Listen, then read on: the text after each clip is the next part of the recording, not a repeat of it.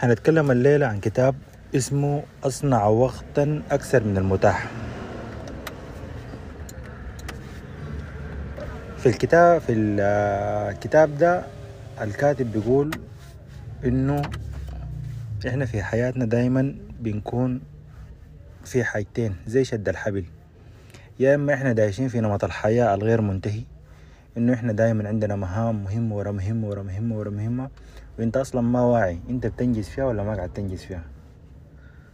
آه زي الواحد السايق بسرعة 120 وفاوت المحطة حقته. ما عارف أصلا وصلها فاتة حيصلها. فالواحد ما بيكون واعي. فبيكون من يصحى لحد ما ينوم حياته عبارة عن مهام غير منتهية. حياته دايما مشغولة. يا إما زول ود عز ده كمان عايش في حاجة اسمها infinity pool حوض سباحة غير منتهي زي الزول نط في حوض سباحة وداير يمشي البر التاني وقدر ما يسبح ما قادر يصل البر التاني. ودي هي المشتتات اللي هي الفيسبوك اليوتيوب التويتر الانستغرام التليجرام وغيره. تصفح الانترنت. فده مثلا والعز أموره طيبة ما عنده مهام لكن واقع في ال infinity pool. وممكن زول كادح زينا دايش في موضوع الحياة المشغولة. من يصحى لحد ما ينوم ما فاهم حاجة. جاري بس.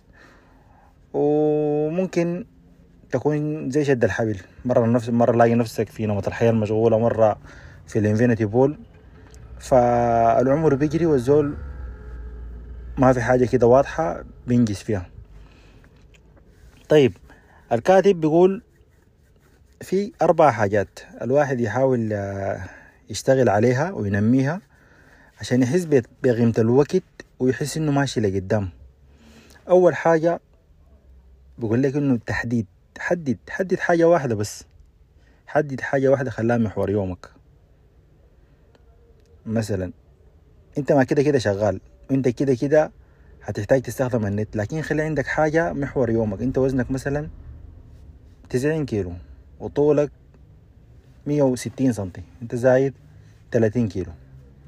فخدت إنه يا أخي أنا لازم أنقص ال 30 كيلو دي. كمثال يعني أو لغة إنجليزية دار تتعلمها أو مهارة دار تكتسبها أو كتاب دار تقرأه أو شيء هذا دار تتحصل عليه. المهم حاجة تخليها محور يومك. وتصورها في نفسك إنه الحاجة دي هي عاجلة. يعني حاجة امرجنسي تخليها محور يومك. وإذا عملتها هتحس برضا هتحس ببهجة. فلازم لازم إنه الواحد يكون عنده حاجات محددة ويبدأ بحاجة واحدة يخليها محور يومه. تاني حاجة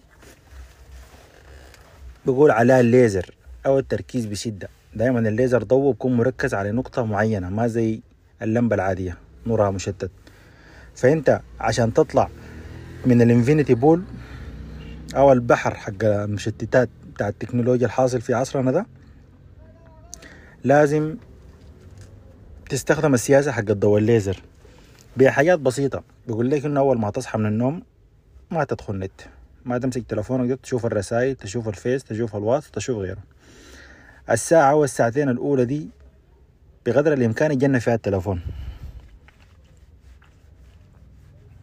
تاني بقول لك المشتتات الحاصلة. خليها أدوات حولها لأدوات. يعني أنت أنت الموارد اللي ظهرت في عصرنا ده الموارد التكنولوجية دي الفيس واليوتيوب وغيره يعني حولها لأدوات أنت تطورك ما تضيع يومك. يعني الفيس مثلا ممكن تتعلم منه ممكن تواصل ناس في منطقة أنت بعيد منها. لكن ما عمل عشان تقعد تقلب في في الصور وتحضر في الفيديوهات اليوم كله يروح. فأنت الأدوات اللي تحت يدك دي حاول خلي المشتتات اللي تحت يدك دي حاول خليها أدوات تخليك توديك لقدام. طيب بعد ما استخدمت التحديد واستخدمت الليزر آه في حاجة بقول لها تنشيط الذات. تنشيط الذات إنه تمارس رياضة من 20 ل 30 دقيقة في اليوم. الرياضة غير بتبني جسمك بتنشط عقلك. فالرياضة مهمة. تاني الأكل الحقيقي. أكل الحقيقي ده أكل طبيعي. خضار لحمة حليب حاجات زي دي. فأقول لك إنه خلي يعني في يومك أكل حقيقي. ما مثلا أندومي وشيبسي وعصير وحاجات كده يعني لاعبين فيها. تاني يعني خلي عندك وقت في يومك تطلع منه من العالم الإلكتروني وتعمل علاقات حقيقية. يعني يومك ما يكون كله شغل ومهام وفي وفيسبوك وغيره. خلي يكون في يومك علاقات حقيقية تقعد مع ناس تتكلم معاهم يسمعوك تسمعهم تزورهم وهكذا. فالعلاقات الحقيقية مهمة جدا. آخر حاجة بقول التفكير. التفكير ده إنك تغيم نفسك. يعني تشوف نفسك أنت هل حددت حاجات؟ هل شغال بمبدأ الليزر؟ هل منشط عقلك أنت ومنشط ذاتك؟ شكرا. هنتكلم اليوم عن كتاب اسمه كيف تتعلم أي شيء. في الكتاب ده اتكلم على ثلاثة محاور. نمرة واحد كيف تفكر؟ اثنين كيف تقوي ذاكرتك؟ ثلاثة حل مشكلة التسويف. يعني انت عشان تتعلم حاجة لازم تفهم ثلاثة حاجات. أول حاجة إنك كيف تفكر؟ بعدين كيف تقوي ذاكرتك؟ وآخر حاجة كيف تتجنب مشكلة المماطلة والتسويف؟ هنتكلم عن أول حاجة إنه إحنا كيف نفكر. طيب. آه بيتكلم عن طريقة التفكير في حاجة مهمة إنه آه في وضعين. في وضع اسمه وضع التركيز في وضع اسمه وضع الانتشار. وضع التركيز في التفكير آه بيزيد نشاط المخ. يعني مثلا زول قاعد داري يحفظ صفحة في القرآن الكريم.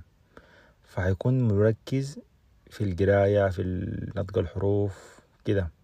فبكون نشاط عقله عالي. طيب وضع الانتشار. وضع الانتشار ده دايما بيجي يعني زول مركلس مرتاح. فبيجو أفكار متضاربة. فبكون في حالة تحت تشتت. وبتكون دايما طريقة تفكيره بطريقة غير واعية. فالزول لما يكون سرحان بخياله وقاعد مرتاح بتجيه أفكار إبداعية دايما. فوضع الانتشار فبتجي عن طريقه أفكار إبداعية دايما.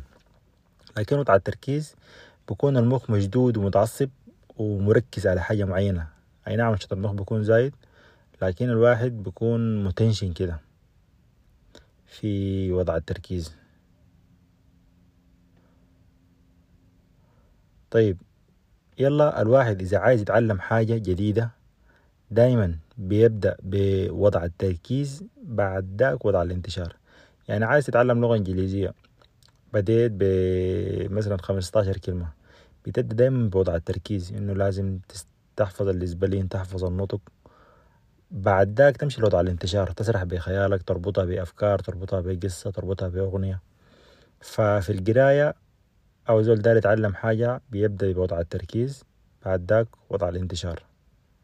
طيب إذا عندك مشكلة دار تحلها. دايما بتبدأ بوضع الانتشار بعد ذاك وضع التركيز. يعني أنت عندك مشكلة واحدة واضحة فالأفضل تكون يعني مرتاح ومشتت.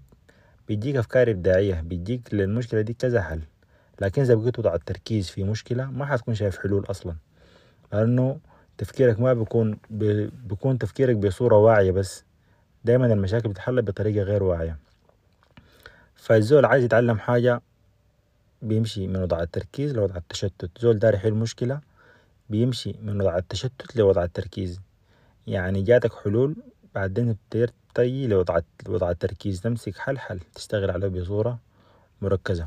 طيب وضع الانتشار ده يعني من كلامنا إنه يعني موضوع مهم جدا. لأفكار إبداعية لحلول بتاعت مشاكل حتى عشان تتعلم حاجة لازم تبدأ من وضع تركيز لوضع انتشار. فوضع الانتشار ده عشان تنمي الحاجة دي عندك. تعمل ثلاثة حاجات. الحاجة الأولى النشاط البدني. يعني الواحد لما بتريض بتمشى بيسبح ايا كان النشاط البدني اللي بيعمله في إفرازات بتطلع من المخ بتنشط وضع الانتشار ده. فالنشاط البدني مهم جدا. فالواحد يعني في روتين يومه إن شاء الله يمشي خمسة دقائق فده بينمي وضع الانتشار أو بيزيد من ال ال ال ال الفكر ده. تاني المهام الروتينية زي النظافة زي غسيل الملابس زي الكوي. أيا كان ال ال ال الروتين فده برضه بيزيد من وضع الانتشار حتى الاستحمام مع عادة يومية فالنشاطات دي كلها بتنمي مهارة ال ال ال ال وضع الانتشار فبرضه مهمة عشان تزيد من كفاءة وضع الانتشار بتاعك. آخر حاجة الراحة والتأمل.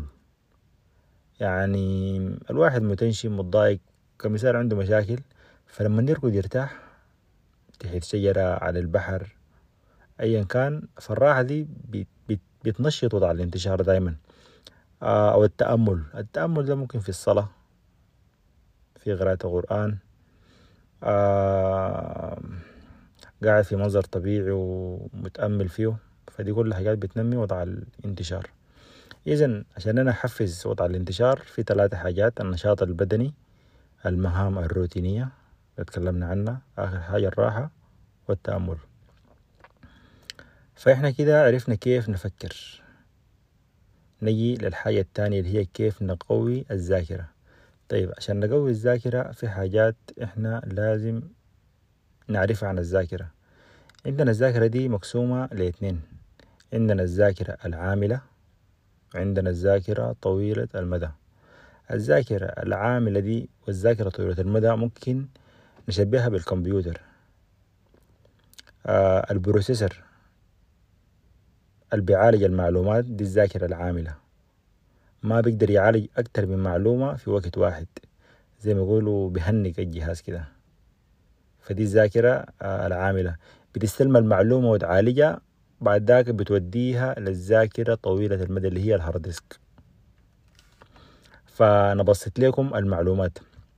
عشان تقوي ذاكرتك لازم تفهم إنه في رابط أصيل بين الذاكرة العاملة والذاكرة طويلة المدى. المعلومة دي يعتبرها فلاشة. يعني في معلومات في فلاشة حتدخلها جهاز الكمبيوتر اللي هو عقلك. بتدخل الفلاش في جهاز الكمبيوتر اللي هو عقلك بيقوم بيستلمها المعالج بيستوعبها بيدخلها ذاكرة طويلة المدى. فالمعلومة اللي انت بتاخدها لازم عشان تحولها للذاكرة طويلة المدى لازم تستوعبها. طيب تستوعبها كيف؟ بحاجتين. أول حاجة إنه تسهل المعلومة تبسطها. تكون بسيطة وسهلة عشان تتذكرها. تاني حاجة التكرار. لازم يعني معلومة تكررها كذا مرة. والتكرار ده يعني بحركتين. الحركة الأولى تكرار المقصود. قل هو الله واحد قل هو الله واحد قل هو الله واحد. تكرر ده تكرار مقصود. طيب. تاني في التكرار المتباعد. خلاص انت حفظت حفظت قل هو الله واحد. مثلا دار تنوم. تتذكر تقوم تطلعها. تعيدها اللي هو بتشتغل على منهجين. تكرار مقصود اللي هو في نفس ال... في نفس الوقت تاني تكرار متباعد. الحاجتين ديل برخ بي بي بيرسخوا المعلومة في الذاكرة طويلة المدى. عموما أنت بتكرر حاجة صعبة ولا بتكرر حاجة سهلة؟ يعني أنت المعلومة لازم تبسطها أول حاجة بعد ذاك تكررها. تمام. في حركات برضه بتتعمل يعني عشان ترسخ لك المعلومة في الذاكرة طويلة المدى.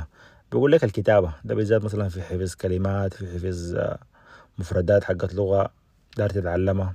فالكتابة بت بت بتساعد إنه الحاجة ترسخ في الذاكرة طويلة المدى. تاني حاجة يعني تكرر المعلومة بصوت عالي. يعني زول في في في, في ناس بيحفظوا بالكتابة في ناس بيحفظوا بتكرار المعلومة بصوت عالي. المهم دي كلها حاجات تامة. يعني أي زول بيلقى نفسه في حاجة أو حاجتين من الحاجات اللي بقولها دي. تالت حاجة التشبيه. يعني في زول عشان يحفظ معلومة يكون بيشبهها بحاجة. فلما يحتاج لها بيتذكر الشبه بيجيب المعلومة. ففي ناس بتربط دايما المعلومات بتشبهها بأي حاجة.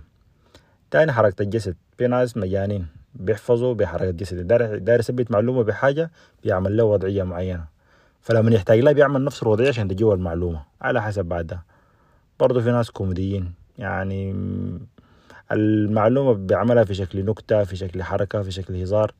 فلما داري يستعيدها بيعمل هبالته ده عشان يسترجعها يعني. وفي ناس فنانين بيربطوا لك بقصة طوالي قصة من خيالهم. فلما نحتاج للمعلومة بتكون است يعني إنه يتذكروا القصة سهل جدا فالقصة تجيب لهم المعلومة. تعرف ناس بحواس مختلفة ما عارف دي الكلاب ولا شنو. يعني دول عندهم معلومة بربطها بحاسة الشم أو بحاسة النظر أو بحاسة السمع. الله أعلم الحاجة دي ما ما عندي لها فعلى حسب أي زول ونمطه يعني. تاني في ناس بيربطوا المعلومة بالزمان والمكان. بالزمان والمكان. ودي مرات الواحد بيحسها يعني. أنا مثلا بكون أيام امتحان الشهادة السودانية بقرأ في الصالون فبحس إنه مرات المعلومات يعني في الامتحان عشان أنا أتذكر معلومة بتذكر الصالون وبتذكر أنا كنت قاعد وين ومتين العصر ولا المغرب. فبتذكر الحيثيات دي كلها عشان أتذكر اللحظة اللي أنا قريت فيها المعلومة دي فتجيني. فدي كلها حاجات يعني بتثبت لك المعلومة الكتابة ترديد المعلومة بصوت عالي بالتشبيه بحركة الجسد بالكوميديا بقصة. الحواس المختلفة دي غايته الله أعلم ما علينا. تاني ربط المعلومة بزمان ومكان. طيب يا ناس كده عشان تتعلم أي حاجة اتكلمنا عن التفكير وقسمناه إنه هو بيكون التفكير يا إما بوضع تركيز يا إما بوضع انتشار وتكلمنا عنه. تاني حاجة إنه كيف تقوي ذاكرتك إنه في ذاكرة عامل وفي ذاكرة طويلة المدى. والتفاصيل. طيب آخر حاجة وأهم حاجة حل مشكلة التسويف. ما أنت عشان تتعلم حاجة لازم ما تسوفها لازم تدامي زمرك ما ينفع تماطلها فإحنا اللي بيخلينا نسوف دايما حاجة اسمها حلقة العادة. حلقة العادة يعني إحنا لو دارين نتعلم حاجة. فإحنا بنماطل لأنه عندنا عادة إنه إنه التعلم ده حيسبب لنا ألم. يعني حيخلينا في وضع تركيز حنكون متنشنين ما حقدر المادة معقدة ما عارف شنو. وقيس على كده كل حاجة مثلا إيجابية عايز تعملها لكن ما بتقدر تعملها بسبب حلقة العادة. إنه حلقة العادة دايما إنها بتربطك إنه كان عملت الحاجة الصح دي حتحس بألم. ما شرط ألم جسدي لكن ممكن يكون ألم نفسي ألم ذهني. الرياضة ألم جسدي المذاكرة ألم نفسي المماطلة. أقصد ألم ذهني الصلاة ألم نفسي المهم على حسب. بحسسك إنه فيها ألم يعني. فأنت بتماطل تشوف إنه أخير تتجاوزها. فأنت لما تتجاوزها بتحس إنه أخذت مكافأة. المكافأة إنه أنت تجاوزت الألم ده. الكلام ده طبعا كله ما مظبوط. آه كله من نفسنا. الله يصلح أحوالنا في نفوسنا يعني. فطيب. انت عشان تتجاوز مشكلة التسويف دي في أربع حاجات تستوعبها وتحاول تمارسها. نمرة واحد تخطط لوقتك. أنا الصباح هعمل كذا بعد الظهر هعمل كذا بعد العصر حنوم مع إنه نوم العصر ما مستحب لكن أنا شخصيا بحب أنوم بعد العصر. بعد العشاء هعمل كذا وهكذا. فأنت لازم تقسم وقتك لازم تخططه عشان تتجاوز موضوع التسويف. تاني حاجة. أعد صياغة الأفكار السلبية. أنت دي بتخلينا نحارب حلقة العادة. إنه أنت عايز تعمل حاجة كويسة فبتحس بألم أو حتحس إنها تتألم أنت تعيد الصياغة دي. تقول أنت إذا عملت الحاجة دي الحاجة الإيجابية حتلقاها شنو؟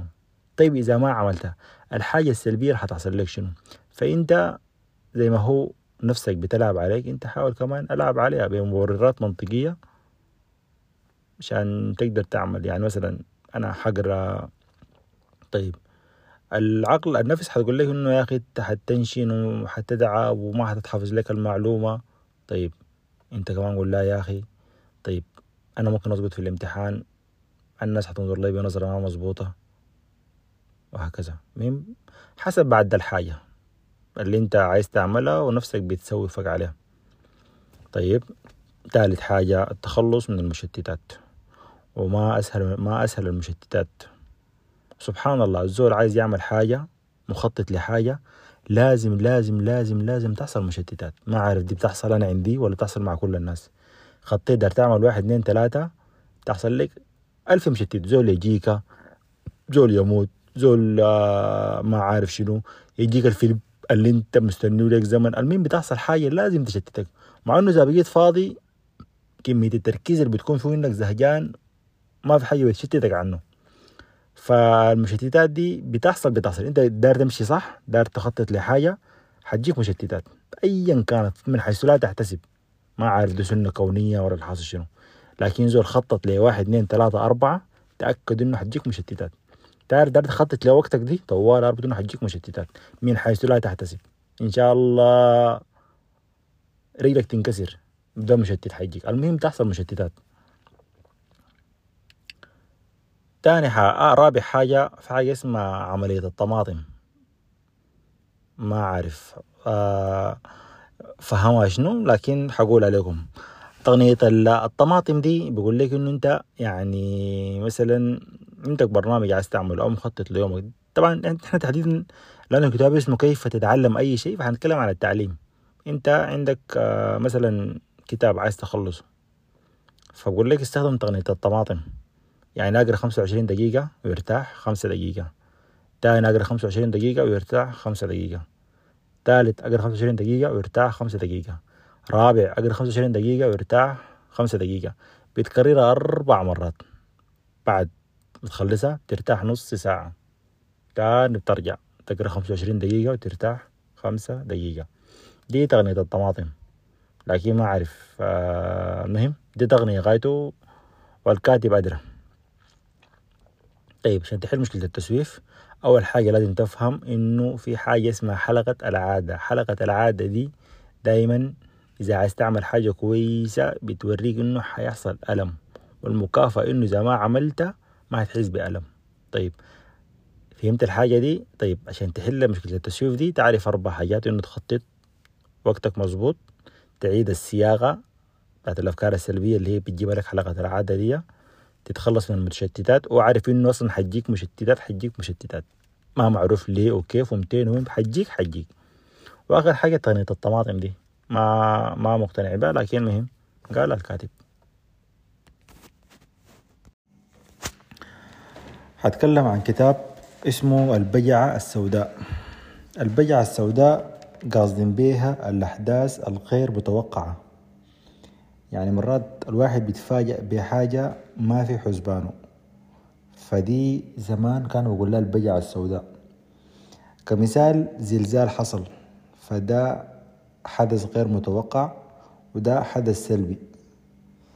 آه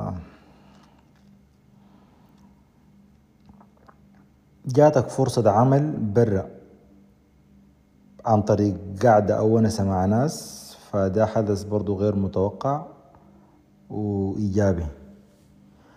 فهنا بيتكلم الكاتب على نقاط عن الأحداث الغير متوقعة.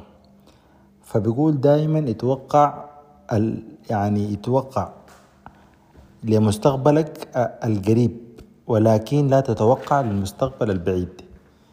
يعني تفكر واسرح بخيالك لحاجات قريبة شهر شهرين لكن ما تتوقع لمستقبل بعيد بعد خمسة وعشرين سنة وبعد ثلاثين سنة لأنه غالبا ما قاعد تزبط ما قاعد تتحقق الحاجات بتحصل أحداث بتغير مسارك.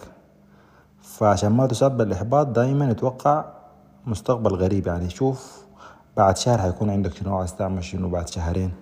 لكن ما تتوقع بفترات بعيدة. وبرضه بيقول استعد ولا تتنبأ. يعني المواقف اللي بتجيك في المستقبل الغريب أو البعيد. خلي سيناريوهات.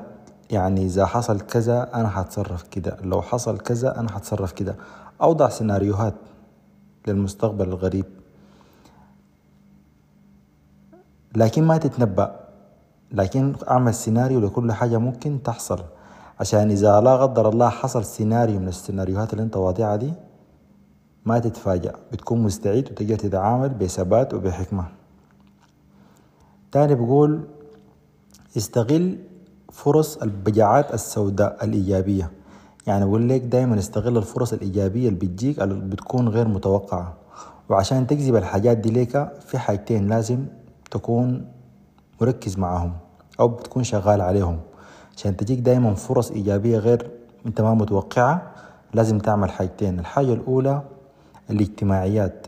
أنت لازم بصورة دايمة تطور من اجتماعياتك تطور من دائرة معارفك تحاول تتعرف على ناس ناجحين تحاول تتعرف على ناس مميزين تقعد معاهم تتكلم معاهم تسمع منهم.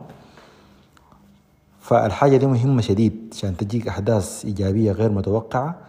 ما حتجيك وانت قاعد مع نفس الناس نفس المكان نفس الكلام. لازم تجدد لازم تقعد مع ناس جداد ناس إيجابية. الحاجة الثانية إنه تكون إنسان مبادر. يعني إذا لفتتك حاجة تبادر تسأل منها.